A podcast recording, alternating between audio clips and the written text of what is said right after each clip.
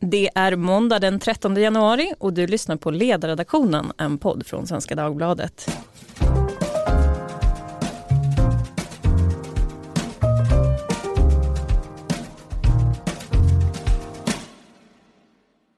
Jag heter Lydia Wåhlsten och idag gör jag min första dag här på kontoret och i poddstudion sen världen gick in i 2020-talet.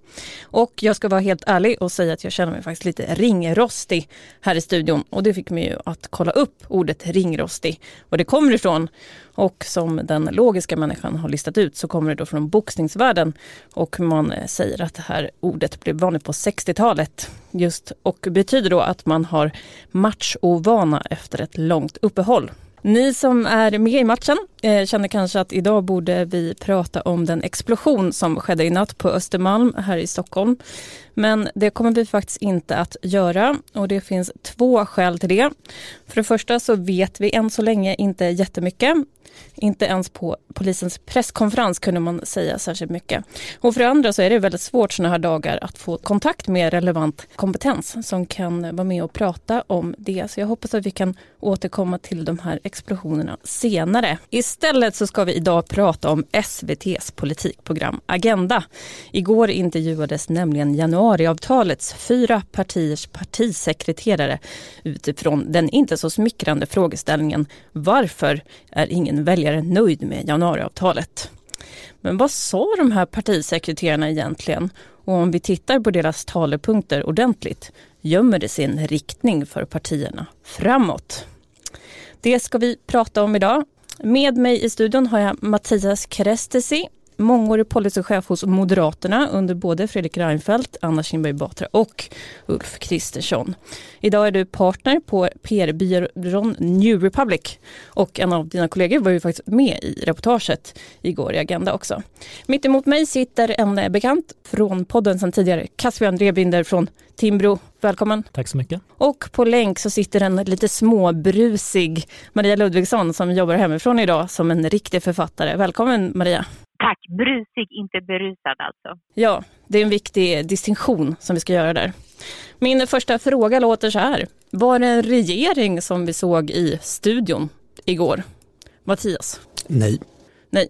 Caspian? Nej. Maria?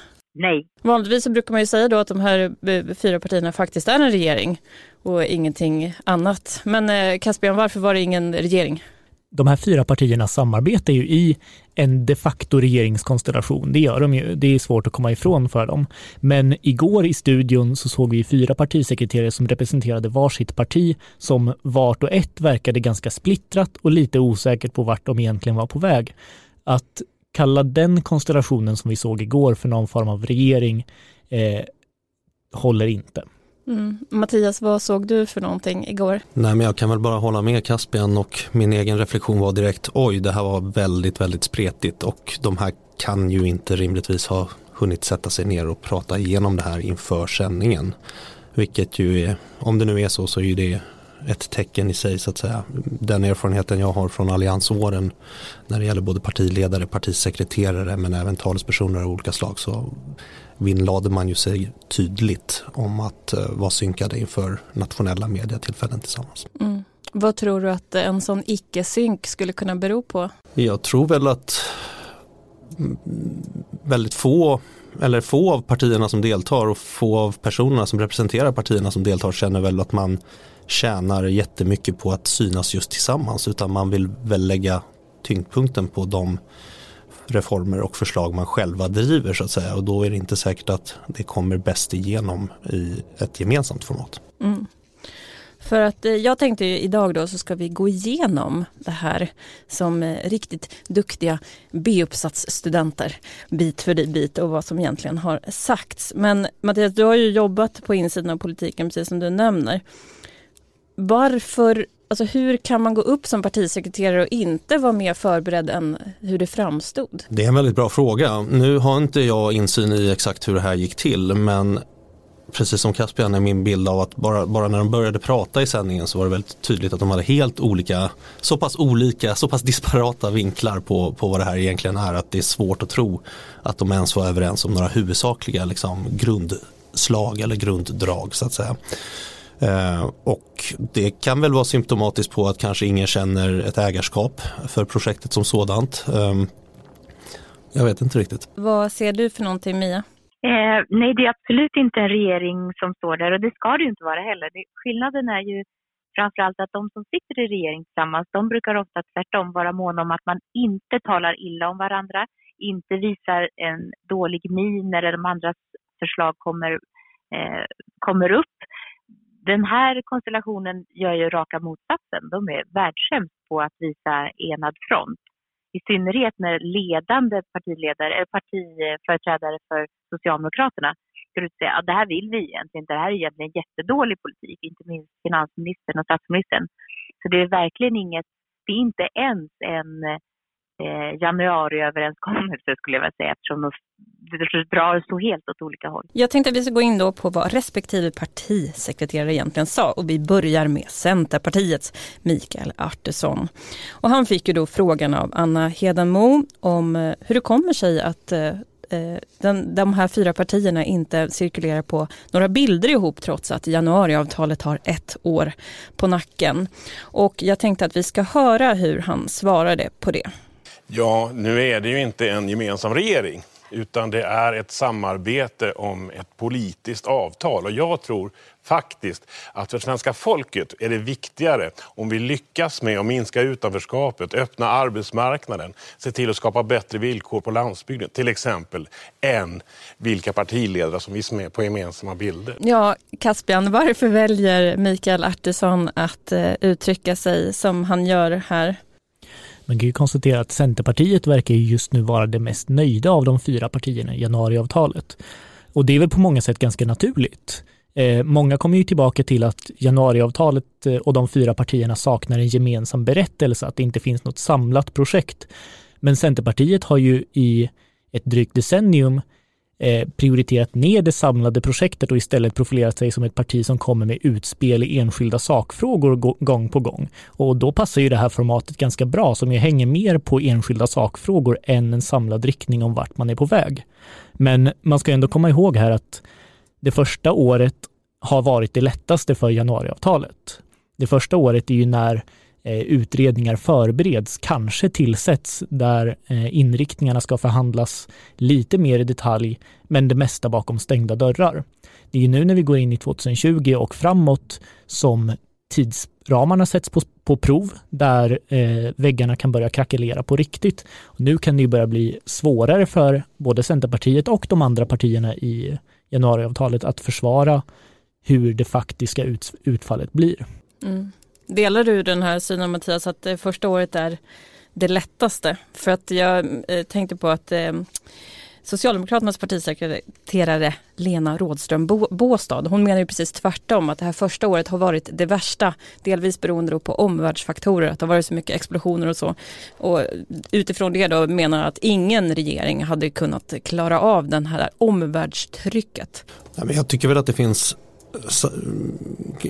det ligger mycket i det både Caspian säger och i, i det enskilda fallet håller jag faktiskt med Lena Rådström Båstad även om jag tycker att hennes insats var rätt svag igår. Ehm, och med det menar jag att det är klart att det yttre, det som händer i samhället påverkar väldigt mycket. Det är också så att eh, migrationsfrågorna och lag, frågor om lag och ordning ligger alltjämt i väljarnas i toppen av det väljarna prioriterar och de frågorna berörs inte i någon större utsträckning av januariavtalet överhuvudtaget. Det finns ju den här Eh, polissatsningen eh, i januariavtalet men inte så mycket mer kring det straffrättsliga och migrationen berörs ju inte överhuvudtaget annat än en del kring arbetskraftsinvandring och så.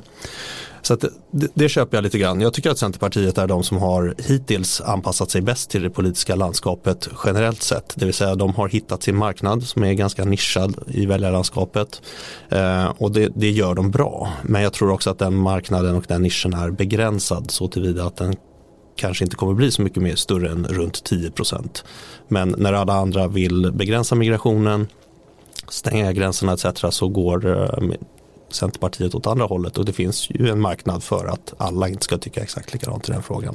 Så de, de klarar sig relativt bra. Sen så tror jag att sossarna har helt säkert planerat att de saker som liksom ligger mer i linje med vad de vill ha kommer komma i slutet och närmare valet i januariöverenskommelsen. Och det är ju flera av de stora sakerna som kräver lång utredningstid som också är utformade på det sättet. Men ni ser inte att januariavtalet håller på att falla samman då, låter det som. Jag tänkte att vi skulle gå vidare till Liberalerna, ett annat parti som har hoppat över skacklorna och eh, röstat på en statsminister som de inte hade tänkt att göra.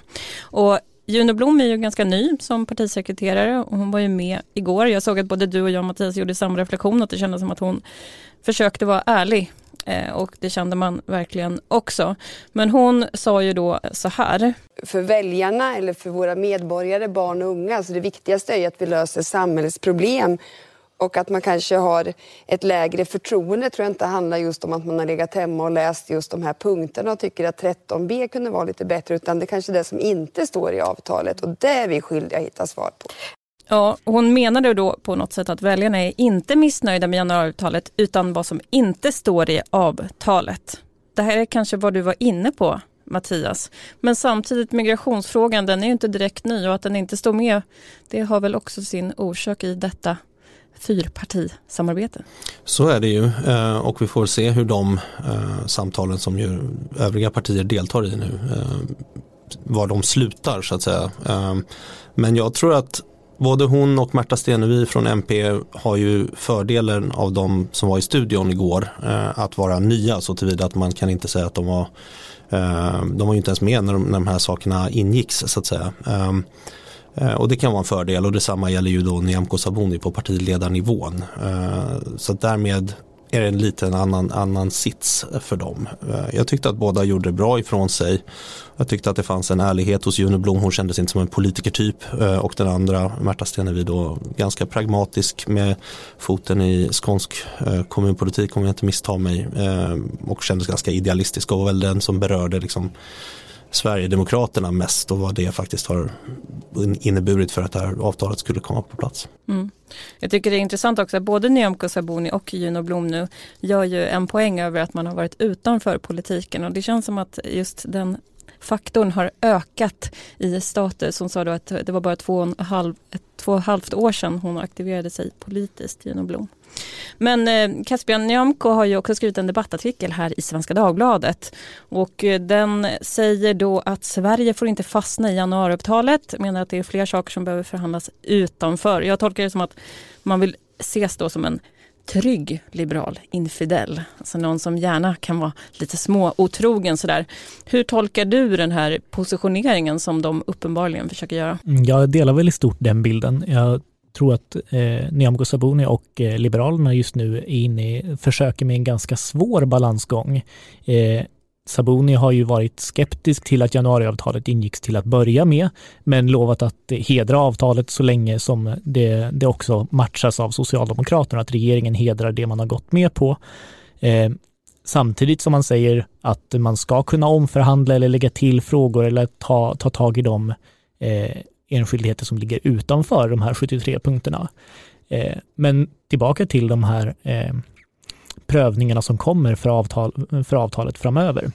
Eh, nu har vi ju fler av eh, flera frågor som eh, inte kommer att bli av eller som skjuts eller som eh, urholkas. Eh, arbetsförmedlingen skjuts upp med ett år. Arbetskraftsinvandringsutredningen är fortfarande inte eh, tillsatt. Eh, Magdalena Andersson har konstaterat att det inte blir någon skattereform under januariavtalets eh, period och eh, Socialdemokraterna har också sagt att de inte tror att eh, hyresreformen kommer att hålla tidslinjen. Så det finns ju utrymme för de som har sagt att de ska värna januariavtalet så länge som Socialdemokraterna gör detsamma, att faktiskt dra sig ur försiktigt om de skulle vilja. Dra sig ur försiktigt, det tar jag med mig. Men eh, Mattias, tror du också att det, det glider mot att Liberalerna lämnar? Det, det, kan verkligen inte uteslutas och det fanns ju formuleringar i den eh, debattartikeln i Svenska Dagbladet som definitivt var det, det hållet, precis som Caspian nu säger, att så länge övriga parter håller det de lovat så kommer vi göra detsamma. Det finns en sista sak här som jag inte tycker riktigt har uppmärksammats heller. Det är ju faktiskt så att i de här spekulationerna om huruvida Socialdemokraterna ska byta partiledare och partiordförande så är det så att med de nya reglerna i riksdagen så kommer ju den eh, personen behöva voteras igenom ytterligare en gång. Eh, det vill säga blir det en ny, ny partiledare eller en ny statsminister då eh, under den här mandatperioden så behöver övriga riksdagspartier rösta om detta. Att Liberalerna skulle göra det hur som helst utan rejält betalt så att säga bedömer i alla fall jag som osannolikt. Eh, så att jag vet inte om det är så enkelt att byta Stefan Löfven som vissa kommentatorer och tyckare vill, har, har velat göra gällande hittills. Skulle Vänsterpartiet eh, gå med på det och rösta igenom? Det är också en jättebra fråga. Jonas Sjöstedt har ju fått cred för att ha varit på krigsstigen både opinionsmässigt och på andra sätt. Miljöpartiet verkade ju vid gott mod. Märta Stenevi argumenterade för att det stora skälet till att de inte finns med på bild, det är att de har jobbat så mycket. Och det här är faktiskt någonting som jag möter från nästan de flesta som representerar regeringen, det är att vi förhandlar precis hela tiden. Och då undrar man hur det går egentligen eftersom att det är så mycket som har gått i stöpet. Så någonting är ju effektivitetsgraden i den här förhandlingarna, det känns som att det finns en del förbättringar. Vad får det här argumentet för betyg? 1 till 10? Två poäng för att det är ganska roligt ändå. Ja. Svagt, 3-4. Jag vill också säga att eh, Mikael Artursson svarade ju aldrig på frågan utan han började prata om någonting helt annat. Han är ju en eh, kanske lite mer rutinerad politiker då. Vi måste ju prata om Socialdemokraterna och framförallt eftersom att Lena Rådström Båstad själv är intressant eftersom att det har pratats om att hon ska bli ett offer för de, den svaga opinionsutvecklingen och att man behöver en drömpartisekreterare som kan förklara hur det här förhåller sig egentligen, Socialdemokraterna, mot regeringen. Det är första året i mandatperioden och jag tror inte heller att det är helt ovanligt att svenska folket känner sig lite sådär, vad är det här? Eh, man vill gärna ha samarbete men ändå det är någonting nytt i svensk Jag ska bara spä på lite politik. på eländet just nu när vi, för er del för att eh, bara 8% av LO-väljarna, och det är ändå Socialdemokraternas kärnväljare, är nöjda med det här samarbetet. Är inte det ett besked ni bör ta på stort allvar? Och vi behöver vara oerhört ödmjuka inför det här beskedet. Och hon menade ju då två saker, vi har varit inne på dem. Dels att verkligheten har varit så risig med skjutningar och explosioner som den i natt. Och att därför är det logiskt med det svaga förtroendet. Men sen också att det bara är det första året in i mandatperioden. Har hon en poäng här, Caspian? Kan man faktiskt döma den här regeringen efter bara ett år? Hon har kanske en poäng, men eh, ju, man märker att hon behöver greppa efter halmstrån för att hitta förklaringar på. Socialdemokraterna har ändå tappat över 6 procentenheter i opinionen det senaste året. Det går Eh, dåligt för dem eh, opinionsmässigt. Eh, en särskilt viktig siffra som kom fram i agendainslaget är att eh, bland LO-väljare är det bara 8 procent som tycker att januariavtalets politik är bra. 8 eh, procent av LOs väljare som står bakom socialdem en socialdemokratiskt ledd regering är ju fullkomlig katastrof för det partiet. Men hon försökte ju tona ner det får man väl ändå säga och, och sa att vi ska ta den här, jag tror att hon sa att vi ska ta den här reaktionen på allvar eller någonting. Det var eh, ganska vagt. Men jag uppskattade en sak och det var att hon pratade om alternativkostnad dök upp hos den socialdemokratiska partisekreteraren. Alltså ett riktigt ekonomistiskt begrepp för att beskriva att alla, eh, alla kostnader har också en alternativkostnad. Och i det här fallet då, om du inte får oss så kan du få någonting ännu värre. Och eh, både eh, Rådström Båstad och Miljöpartiet var ju väldigt tydliga med att allting handlar om att hålla Sverigedemokraterna ute. Eh, men det tyckte jag var lustigt i alla fall att hon låter som en riktig nyliberal. Mikael Artursson då på slutet av Agenda eh, samlade mod till sig och eh, höjde tonen mot Socialdemokraterna och sa att alla skulle tjäna på att Socialdemokraterna visar lite större engagemang inför den här regeringen och inte gör då som Mia beskrev i början, går ut och kritiserar både värnskatten och, och andra delar som ligger i avtalet. Vad tror ni att eh, Socialdemokraterna kände när han sa så? Jag tror att de blev ganska provocerade. Eh, samtidigt har han ju en poäng eh, i det att det här är ju faktiskt den situationen som Löfven under i stort sett hela sitt partiordförandeskap har eftersträvat. Han har hela tiden sagt att vi måste bort från den fördummande blockpolitiken.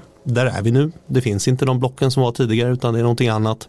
Det är något mittensamarbete vars effekter vi ser nu i opinionsmässigt och så. Samtidigt måste jag säga att eh, Lena Rådström Båstads insats givet att de har haft ett år på sig att, att utmejsla liksom ett socialdemokratiskt tydligt narrativ om det här var väldigt svagt. Eh, och de, de alternativkostnader hon lyfte i sändningen tycker jag också var svaga. För hon sa någonting i stil med att ja, men hur hade det varit om Ulf Kristersson hade varit statsminister? Ulf Kristersson har ju mycket högre förtroende än vad Stefan Löfven har i de flesta mätningar nu. Så det, det tror inte jag biter så mycket. Då kanske man hade, skulle ha hotat med liksom Sverigedemokraterna på justitiedepartementet istället eller något liknande. Jag tror inte att det där riktigt funkar.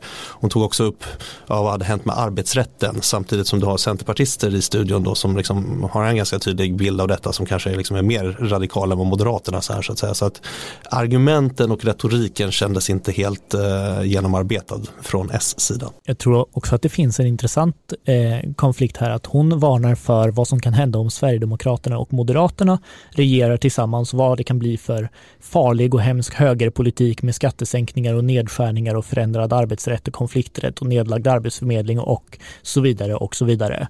Jag tror att det här är ett fel som både socialdemokrater och moderater ofta gör, att de överskattar hur höger Sverigedemokraterna är i ekonomiska frågor.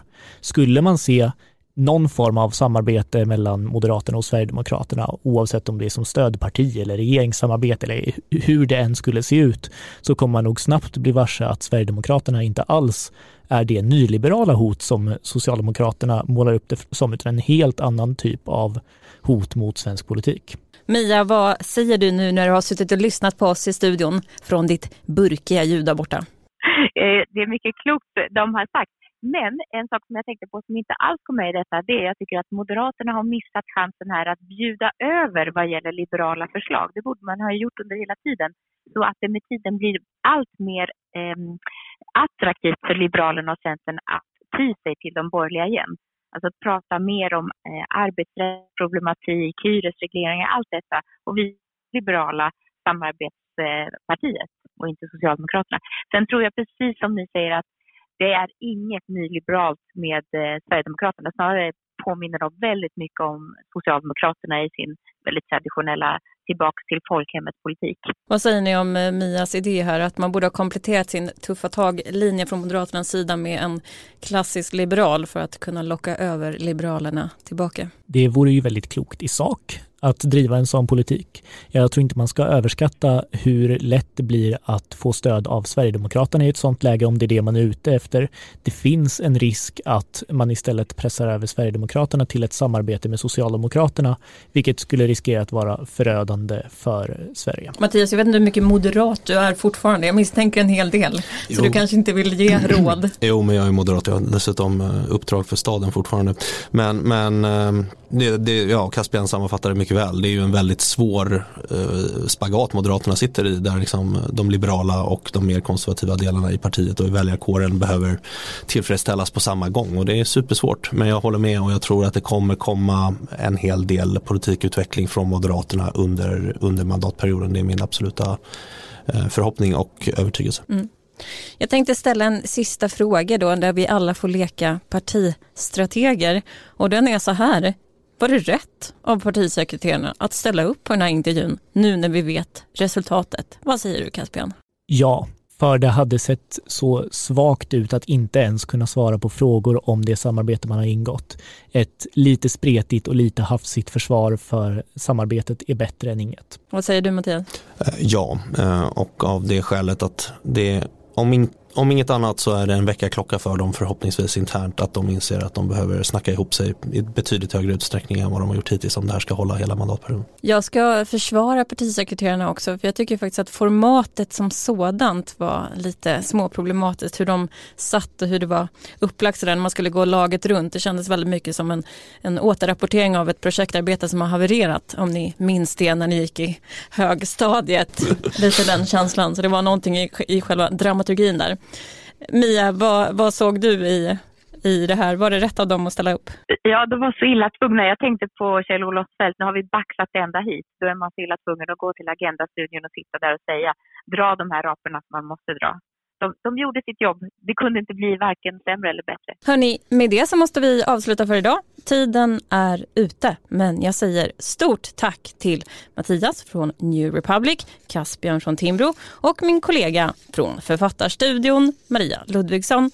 Ni som har lyssnat på podden, ni får gärna recensera den på iTunes och sen hör av er som vanligt på ledarsidan svd.se. Tack för idag.